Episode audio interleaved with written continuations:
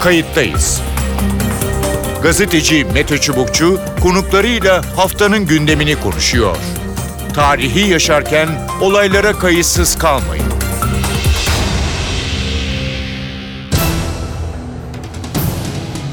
İyi günler bir kayıttayız programıyla daha karşınızdayız. Tarihe ışık tutmak ve olan biteni anlamak için önümüzdeki dakikalarda sizlerle birlikte olacağız. Ben Mete Çubukçu, editörümüz Sevan Kazancı. Kayıttayız da bu hafta Brüksel'de yapılan Avrupa Birliği Liderler Zirvesi'ni konuşacağız. Daha doğrusu zirvenin en önemli gündem maddesi yani sığınmacıları. Almanya Başbakanı Merkel'in birliği ya batıracak ya düzlüğe çıkaracak bir durum olarak gördüğü mülteciler için bu kez üye ülkeler mutabakata vardı. Uzun süren görüşmeler neticesinde Avrupa Birliği Arnavutluğu sığınmacılar için toplama adresi olarak belirledi. Bir nevi e, kamp da demeyelim ama toplanma bölgesi olacak gibi görülüyor. Tiran yönetimi de bunu kabul etti. Karşılığında tabii ki yüklü miktarda bir para alacak. Dublin Anlaşması bir sığınmacının ayak bastığı ilk Avrupa ülkesi tarafından kabul edilmesini öngörüyordu. Ancak bu anlaşma artık değişti. Sığınmacıların ilk ayak bastıkları ülke tarafından kabul edilmesi zorunluluğu ortadan kaldırıldı. Artık mültecilerin sorumluluğu tüm üye ülkelerde olacak, onlar tarafından paylaştırılacak. Bu oldukça önemli bir değişiklik. Evet, kayıttayız da sığınmacı anlaşmasının Türkiye'ye etkisini, Türkiye'nin buradan nasıl etkileneceğini ve Avrupa Birliği'nin bu konuda ne yapmak istediğini hem ahlaki hem hukuki hem de insani açıdan ele alacağız. İki konuğumuz olacak. Kayıttayız'ın konuğu Profesör Murat Erdoğan. Profesör Murat Erdoğan, Türk-Alman Üniversitesi Göç ve Uyum Araştırmaları Merkezi Müdürü. Hoş geldiniz programımıza. Hoş bulduk. E, Kyoto'dan selamlar gönderiyorum. Evet uzaklardasınız ama yine aynı konuyla ilgili e, bir konferans ya da sempozyum için oradasınız bildiğim kadarıyla. Hemen başlayalım isterseniz. Avrupa Birliği'nin e, özellikle göçmen, mülteci ismini ne koyacak olursak olalım aldığı e, kararı genel olarak bir değerlendirelim. Ondan sonra detaylara e, gireceğiz. Çünkü enteresan e, bir takım maddeler var. Öyle değil mi? Buyurun. Şimdi bugün e, sadece bugün değil son e, birkaç haftadır Avrupa Birliği'nin stres içinde tartıştığı en önemli konu bu. Almanya'da da siyasi krize neden oldu. Avrupa'da da hatta Angela Merkel'in iki gün önce bir açıklaması var. Avrupa Birliği'nin geleceğini belirleyecek bir kriz bu. Yani bunu çok önemsememiz lazım ve bu konuda ortak kararlar almamız lazım diyordu. E, burada bir taraftan gelen mülteciyi engellemekle ilgili e, formüller aranıyor ama bir taraftan da Avrupa Birliği içinde hem insani yardımlaşma hem de mali paylaşımı nasıl gerçekleştireceğiz? Onun üzerine tartışmalar yoğunlaşıyor. Hı hı. Angela Merkel'e göre Türkiye ile yapılan anlaşma e, şu ana kadar yapılmış en ciddi, en iyi, en iyi işleyen çalışma anlaşmalardan birisi. Hatta bunun model olmasını öneriyor. Peki bu anlaşma nedir diye biz kendi kendimize sorduğumuzda açıkçası ben Türkiye'den bir göç uzmanı olarak evet. bu anlaşmanın gayet basit bir formülasyonu olduğunu görüyorum. Avrupa Birliği bize para verecek, biz de mültecileri Türkiye'de tutacağız. Yani aslında çok kompleks, çok farklı boyutları olan bir mülteci sorununa Avrupa Birliği'nin ortaya koyduğu önlem buydu. Biz de farklı gerekçelerle bunu kabul ettik. Şimdi Avrupa Birliği bunu başka ülkelerle de yapmaya çalışıyor. İşte Afrika ülkeleriyle yapmaya çalışıyor. Henüz Avrupa Birliği üyesi olmamış Balkan ülkeleriyle yapmaya çalışıyor. Dolayısıyla şu an aslında içinde çok e, eleştirmemiz gereken e, bir anlaşma var Türkiye ile yapılan. O anlaşmanın modelini başka yerlere yansıtmak istiyorlar. Peki. burada ciddi ahlaki sorunlar var. Ama siyaset ne kadar ahlaki ilkeleri barındırır o ayrı bir şey.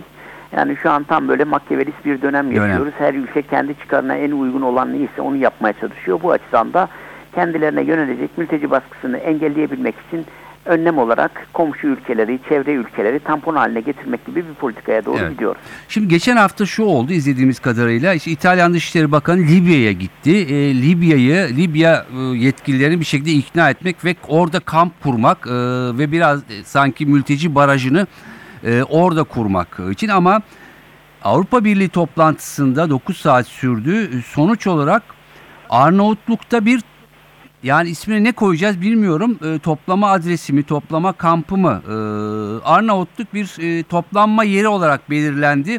Tiran yönetimi de bunu kabul etti. Buraya da e, ciddi miktarda bir para herhalde e, yollanacak. E, yani e, bilmiyorum mesela İtalya'dan ya da Yunanistan'dan giren kaçaklar burada mı toplanacak? Nasıl işleyecek? Ne demek bu?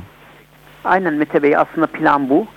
Çünkü Avrupa Birliği ülkelerinden birisine girerse mülteci Mülteci olmasa, ekonomik göçmen de olsa sonrasında bu insanları geri göndermek olağanüstü zorlaşıyor. Mahkemeler devreye giriyor, sivil toplum örgütleri devreye giriyor, temel insan hakları ile ilgili kurumlar devreye giriyor.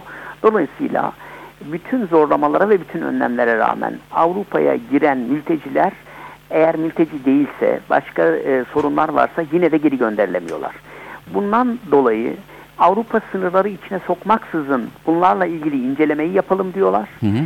Gerçekten mülteci durumunda olan yani siyasi baskı altında olan, ölüm tehdidi altında olan insanları alalım ki bunun sayısı çok fazla olmayacak diyorlar. Geri kalanını da Avrupa'ya adım atmadan geri göndermenin imkanını bulmuş olacağız böylece. Şimdi Arnavutluğun bu konuya ev sahipliği yapması Arnavutluğa çok fazla bir yük getirmez. Eğer bunu izole ederlerse para kazanmış olurlar. Böylece Avrupa Birliği'nin bir karakolu, bir e, nasıl diyeyim e, geçici bir gözaltı e, şeyine dönüşecekler Arnavutluk. Biraz oraya doğru gidiyor. Tabii arkasında bir sürü bunun pazarlığı vardır. Gelecekte Avrupa Birliği perspektifi açmaktan tutun, NATO ile ilgili şeyler, güvenlik tartışmaları vesaire. Avrupa, e, Arnavutluğu ikna etmek bu konuda nispeten kolay. Hı hı. Afrika ülkelerinde de benzer bir girişim var. Hatta e, Juncker'in bir açıklaması vardı. Bu girişim bizi çok yeni emperyalist bir güç e, halinde bir imaj doğurabilir. Dikkat edelim diyor. Aslında kelimenin tam anlamıyla yeni emperyalist bir güç e, açılımı bu açılım. E, bunu ne kadar saklayabilecekler, ne kadar gizleyebilecekler bilmiyorum. Daha kibar e, müzakereler yapabilirler. Ama Avrupa Birliği mülteciler kendi ülkelerine ulaşmadan önce bir yerlerde durdurmaya çalışıyorlar. Bunun için de yapacakları tek şey var. Para vermek, işte bir takım siyasi taahhütlerde bulunmak ve çevre ülkeleri ikna etmek. Şu an süreç böyle gidiyor. Evet biraz da Almanya anladığımız kadarıyla bu yükü de sadece kendi üstünden değil herkesin e, üzerinden e, çözmeye çalışıyor gibi. Peki bu Arnavutluk'taki e, toplama merkezi, kamp ismini koyacak olursak ya da bu uygulama e, Türkiye'nin üzerindeki yükü azaltır mı ya da e, Türkiye'nin e, rolünü değiştirir mi? Ne dersiniz? Valla bana kalırsa hiçbir şey değişmez Türkiye ile ilgili. hı. Türkiye kendi önlemini kendisi almak zorunda ki alıyor da. Evet. Türkiye bir taraftan başka ülkeleri duvar örmekle, çitler e, örmekle suçluyordu ama biz son 1-2 senede 565 kilometre sınır duvarı ördük Suriye sınırına. E, Türkiye önlemini almaya çalışıyor çünkü biz anladık ki bu öyle başkalarının yardımıyla olabilecek bir şey değil. Herkes Değil. kendi başının çaresine bakmak zorunda. Arnavutluk'taki böyle bir yapılanma Türkiye'nin yükünü çok fazla almaz. Ee, daha çok Akdeniz'den, İtalya üzerinden, Libya üzerinden ulaşanları getirip oraya toplarlar. Ama bunun da çok sürdürülebilir bir şey olduğunu düşünmüyorum açıkçası. Yani orada da kısa bir süre içinde büyük olaylar çıkacaktır. Ve e, bunu da çok sürdürebileceklerini sanmıyorum ama bir süre bunu deneyecekler eminim. Ee, siz az önce bu soruyu sormadan önce bir şey söylediniz. Almanya üzerindeki yükü dağıtmaya çalışıyor. Gerçekten öyle. Şu an Avrupa'ya giren her iki mülteciden birisi Almanya'ya gidiyor.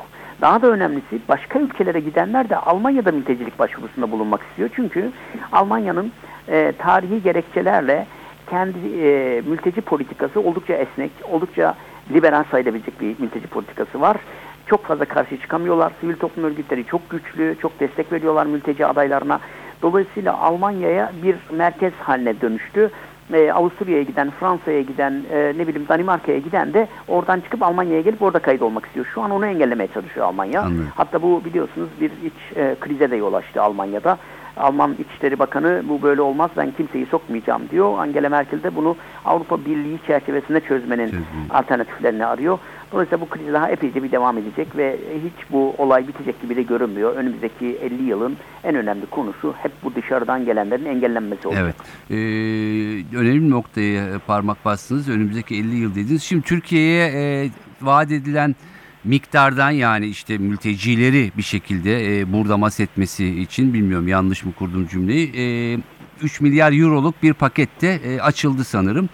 Bir bu, iki e, önümüzdeki 50 yıl dediniz. E, burada da 3,5-4 milyon Suriyeli e, misafirimiz var, e, vatandaşımız var ya da e, ismini nasıl koyacağım onu da e, bilemedim.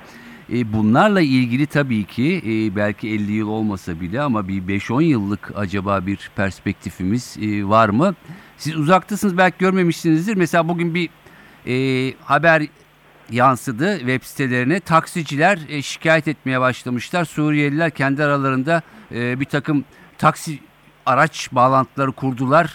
E, işte bizim işlerimizi e, biraz engelliyorlar vesaire diye.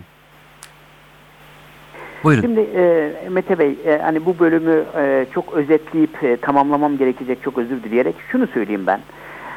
Türkiye'deki Suriyelilerin bugüne kadar Türkiye'de çok fazla sıkıntı yaratmaması, seçimlere dahi malzeme olmamasının en önemli sebebi bir, çok kriminal olaylara karışmadılar. İki, Türkiye'de ekstra bir işsizlik yaratmadılar. Ama bu olmayacak değil. Yani bu yakın zamanda olacak. Bir de politik söylem ne söylerse söylesin ki şu an artık hükümetin söylemi de değişti. Erdoğan dahil bunları geri göndermekten söz ediyor. Seçim döneminde bu önemli bir konuydu ama çok da şey olmadı, derinleşmedi. Ben e, dünyada bu konuda gözlemler yapmış ve kitlesel göçleri incelemiş birisi olarak söyleyeyim ki Türkiye'deki Suriyelilerin çok ama çok büyük bölümü Türkiye'de kalıcı olacaklar. Türkiye'den geri gitmeyecekler ve bu da ileride hazırlık yapmamız gereken şey. Bunun hazırlığını da biz kendimiz yapmak zorundayız. Şu an Türkiye'de günde kaç çocuk doğuyor biliyor musunuz? Türkiye'de günde ortalama 393 Suriyeli bebek doğuyor. Yani biz bugün şu an bu telefonla konuşurken yaklaşık bir herhalde 20-30 bebek daha doğmuştur. Dolayısıyla Türkiye'nin gelecek perspektifini buna göre e, kurması gerekiyor. Eğitiminden iş alanına ve soş- e, sosyal e, gerginliklere izin vermeyecek yapılanmaları bizim kendimizin Geliştirmesi. gerekiyor. Bu dediğim gibi geçici bir olay olarak algılanamaz. Bizim ördüğümüz duvarlar bundan sonraki gelmeleri biraz engelleyebilir ama var olanların geri gidebilme imkanı neredeyse kalmadı. Bu gerçeklikle yüzleşmemiz gerekiyor. Ee, bu e, Avrupa Birliği taahhüt ettiği e, miktarlar e, biraz rahatlatır mı? Yani bu konuda e, tabii ki hem Şöyle bir çalış... şey söyleyeyim. O da çok önemli bir konu. Almanların yaptığı bir hesap var. Ben o hesap üzerinden Almanlar diyor ki bir refüji bize e, bir mülteci yılda 15 bin euroya mal oluyor. Ben Türkiye'deki mülteciler eğer Almanya'da olsaydı kaça mal olur diye bir hesap yaptım. Evet. 2011'den beri Suriyeliler bizde değil Almanya'ya gitmiş olsaydı 187 milyar euroya çıkıyor. 187 milyar euro. Şimdi biz neyin pazarlığını yapıyoruz? 3 milyar artı 3 milyar. Tabii ki bu küçümsenecek bir para değil. Önemli bir para. Ama e, bir kere bu işin çok küçük bir bölümünü e, kapa- kapatabilecek, cover edebilecek bir şey. İki, başka türlü riskler ortaya çıkıyor. Güvenlik riskleri gibi, sosyal riskler gibi, ekonomik riskler gibi. Bunların maliyetinin aslında daha yüksek olduğunu hiçbir zaman unutmamak lazım. Peki e, son şunu sormak isterim size. Ee, varsayalım ki e, günün birinde de olacak şu ya da bu şekilde. Suriye'de e, bir belki ateşkes yani tamamen barış olmasa bile belli bölgelerde güvenlik sağlanacak. E, anladığım kadarıyla yani özellikle Türkiye'dekilerin büyük bir çoğunluğu sanki geri dönmeyecekmiş gibi bir e, hava mı var? Ya da öyle midir Ee, eğilim? Şimdi şöyle, e, Mete Bey bu konuda herhalde en çok alanda çalışma yapan kişi benim. Evet. Ee, en son Suriyeliler Barometresi diye yeni bir kitabım daha çıktı ve biz her sene bu konuda araştırmalarımıza devam ediyoruz ve her bölgede ediyoruz.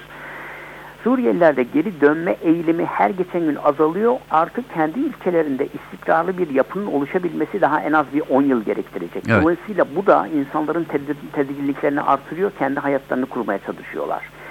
E, öyle olduğu için zaten günde Türkiye'de 397 çocuk doğuyor. Yani bu bu şey değil, tesadüf değil. 600 bin çocuk okula gidiyor. En az 1 milyon insan Türkiye'de çalışıyor. Daha da önemlisi Suriye rejimi onların geri gidiş yollarını kapatıyor. Onunla ilgili yasalar çıkarıyor. Suriye toplumu, şu an Suriye'de bulunan Suriye toplumu da ülkeden kaçanlara çok sıcak bakmıyor. Yani bunu çok ayrıntılı konuşmak lazım. Ama ben genelde bunun son derece zor olduğunu düşünüyorum. Çok teşekkür ediyorum programımıza katıldığınız için ve görüşlerinizi paylaştığınız için. Telefon hattımızda Güldener Sorumut var. Ee, Güldener NTV Brüksel temsilcisi çok uzun yıllardan beri ve Avrupa'nın duayen gazetecilerinden e, diyebiliriz. Güldener hoş geldin programımıza. Hoş bulduk Mete. iyi yayınlar dilerim. Çok teşekkür ederim. Ee, Angela Merkel bu mülteci meselesi ya da işte kaçak göçmen meselesi birliği ya batıracak ya düzlüğe çıkaracak e, demişti. Böyle görmüştü. Ee, önce bir özetleyelim istersen. Avrupa'yı nereye getirdi bu mülteci meselesi Avrupa Birliği'nin?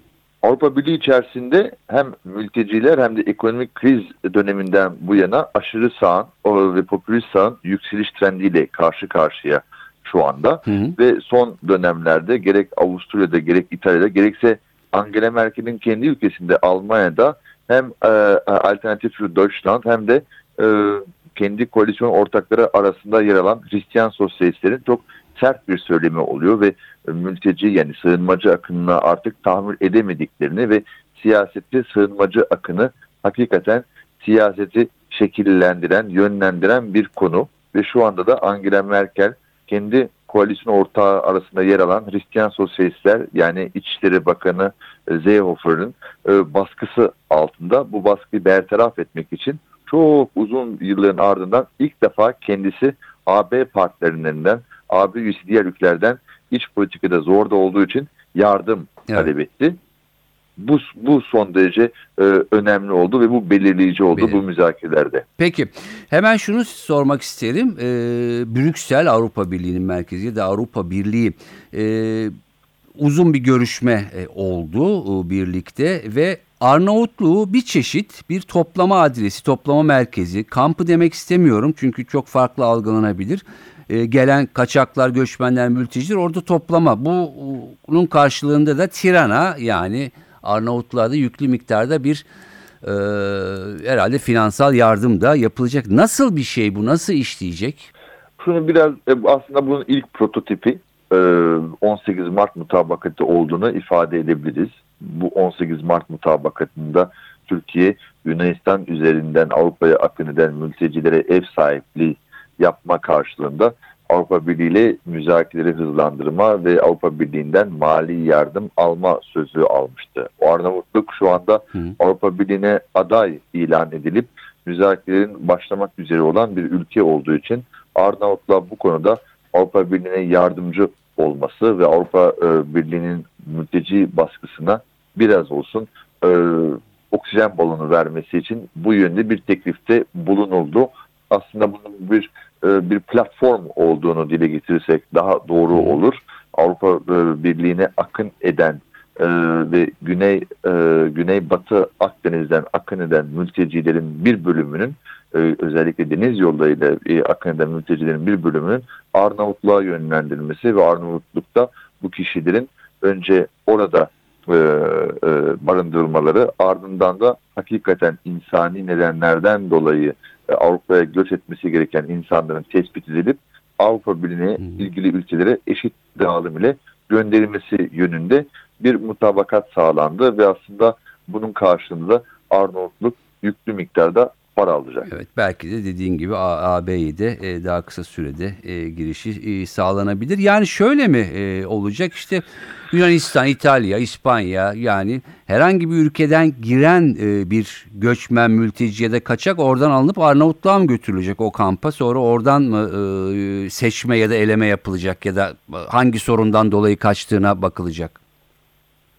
aslında iki yöntemi iki yöntem öngörülüyor. Bir tanesi Akdeniz'de gemi içerisinde uluslararası sularda olup AB ülkelerine yönelen e, sığınmacı ve e, e, göçmen gemilerinin Arnavutluğa yönlendirilmesi öngörülüyor. Bu birinci ayağı. İkinci ayağı da senin de biraz önce ifade ettiğin üzere örneğin e, Avrupa Birliği'nin bazı ülkeleri İspanya olabilir, Fransa ya da İtalya'nın bazı köylerinde e, köylerine gelen, göç eden, kıyılarına göç eden mültecilerin e, bir şekilde işlemlerin yapılması için ve onların e, hangilerinin hakikaten insani yardım, insani durumdan dolayı ya da siyasi gerekçelerle Avrupa Birliği'ne e, kaçmaya çalıştıklarını tespit edip o tespit çalışmasını Arnavutluk'ta yapmak istiyorlar. Bu yüzden de Arnavutluk'ta e, yak- yaklaşık 250 bin ile 500 bin kişilik toplam platformlar, kamplar oluşturmaya çalışıyorlar. Burada hem kişilerin sağlık, e, kişilerin güvenliği ve o e, mülteci adaylarının, sığınmacıların o hakikaten ekonomik gerekçelerle mi yoksa siyasi gerekçelerle mi sığınıyorlar? Bütün bunların tespit edip ona göre işlemleri Arnavutluk'tan itibaren yapılacak. Evet yani e, şöyle diyebilir miyiz yine e, yükü ya da bu işi Avrupa'nın biraz da görece yoksul ülkesine yıkmış durumda diyebilir miyiz abi? Kesinlikle bunu söyleyebiliriz. Avrupa Birliği şu an içerisinde Avusturya'daki aşırı sağ koalisyonu, e, İtalya'da keza aşırı sağ popülist koalisyon olsun, Almanya'da, Hollanda'da ve Merkez ve Doğu Avrupa ülkelerinde olarak tarif ettiğimiz Merkez ve Doğu Avrupa ülkelerinde sığınmacılara yönelik olarak var olan bir e, tutumdan dolayı ve bir isteksizlikten dolayı Avrupa Birliği bunu üçüncü ülkelere tırnak içinde taşeron e, bir şekilde üçüncü ülkelere göndermeye çalışıyor. Afrika ülkeleri düşünüldü. Örneğin Tunus'la ya da Libya ile Libya gibi ülkelerle bir anlaşma yapılması ancak onun kısa vadede zor bir unsur olduğunu o yüzden de kısa vadede Arnavutluk görüldü. Arnavutluk Avrupa Birliği'ne aday olup müzakereleri başlama niyetinde bir ülke olduğu için aynı zamanda da yenilerde NATO üyesi olduğu için bu konuda Avrupa Birliği'ndeki müttefiklerine bir jest yapmak amacıyla Evet. bu e, Avrupa Birliği'nden gelen bu teklifi e, kabul etti. Peki şunu soracağım kısaca. E, bu plan e, yeni göç yolları açar mı? İşte e, biliyorsun mesela Türkiye ile yapılan anlaşmadan sonra e, biraz da Afrika yolu herhalde e, artmıştı. Oraya yönelmişti e, kaçaklar ya da mülteciler. E, Türkiye'nin üzerindeki yük alır mı? Yeni e, yollar açılır mı? Ne dersin? Türkiye'nin üzerindeki yükü alması çok öngörülmüyor şimdilik ancak başka yolların açılması da açılmasına teşvik edecek e, nitelikte. Bugüne kadar çünkü sadece doğrudan Avrupa Birliği'ne e, gitmeyi e, hedefliyordu Hı hı. mülteciler, sığınmacılar. Şimdi Avrupa Birliği'ne giderken e, Arnavutluğa da yönelebilecekler. Arnavutluk üzerinden de Avrupa Birliği'ne geçiş yapabilecekler. O yüzden de bu biraz teşvik niteliğinde olabilir. Hı hı. Burada en önemli unsur insan kaçakçılığıyla da mücadele etme ve bu konuda da Avrupa Birliği'nin bugüne kadar yapmış olduğu bütün e, e, sığınmacılarla e, engelleme çalışmalarında bu ayağı oldukça eksik. Bu yüzden de buradaki bütün gözlemciler bunun daha çok teşvik niteliğinde olacağını ve e, sığınmacı hakkını durduracak nitelikte bir plan olmadığını sadece sorunu başka yerlere göndermekle sorunu biraz yavaşlatıp başka yerlere yönlendirmekle yetineceğini ifade ediyorlar. Peki. Güldener son şunu sormak istiyorum. Biraz da güncel popüler bir soru. Malum Dünya Kupası devam ediyor. Ee, Belçika'da başarılı bir grafik çiziyor ama Avrupa'nın önemli ülkelerine baktığımızda Belçika'ya, Almanya'ya, Fransa'ya e, birçok ülkeye aslında e, futbolcuların birçoğunun e, ya işte ikinci, üçüncü kuşak göçmen olduğu ya da orada yetiştiği e, yani hani yabancı köken demek istemiyorum ama oraya dışarıdan gelenlerin e, oluşturduğu futbolcular görüyoruz ve bunlar milli takımlarda neredeyse çoğunluğu oluşturuyor. Bir de bugün geldiği nokta var Avrupa'nın e, mülteciler, göçmenler e, konusunda. E, ne dersin? E, böyle bir yorumunu almak istedim. Tabii Avrupa Birliği içerisinde eğer e, Amerika Birleşik Devletleri 2. Dünya Savaşı'nda bugünün Avrupa'sının uygulamış olduğu politikasını uygulamış olsaydı Avrupalıların birçoğu e, Hitler'in ya da en azından e, savaşın e, e, mağduru olurlardı. E, zaman zaman e, zor dönemlerde kapıları açıp kucaklama e, bilgisine sahip olunması gerekiyor. İkincisi özellikle altını çizdin Avrupalılar e, mültecilerden, sığınmacılardan çok korkuyorlar ancak e, eğer sığınmacılar olmasaydı şu anda halen Avrupa Birliği büyüme, ekonomik kalkınma, refahı sağlayamazdı. İkinci Dünya Savaşı'ndan sonra mülteciler, sığınmacılar sayesinde ya da yabancı işçiler sayesinde Almanya, Fransa, İtalya e, gibi ülkeler kalkındılar. Hollanda, Belçika keza öyle. Belçika o konuda aslında istisnai bir ülke. Buna yönelik olarak çok tepki yok üzerine düşen görevi yerine getirmeye çalışıyor ve örneğin Lukaku gibi e, Kongo'dan gelen bir kişi Belçika'da iyi bir entegrasyon sağladı ve Belçika milli takımını zirvelere taşıyor. Ama başka ülkelerde çelişkili unsurlar oluyor. Hem bir taraftan mülteci sığınmacılara karşı oluyorlar ancak onlar sayesinde o kökenli insanlar sayesinde ekonomik, sportif ya da bilimsel başarılı e, elde ediyorlar. Bu da biraz Avrupa'nın e, tezat bir tutuşu, tutumu diyelim. Peki. Güldener Sorunumuz çok teşekkür ediyorum programımıza katıldığınız ve görüşlerinizi paylaştığınız için.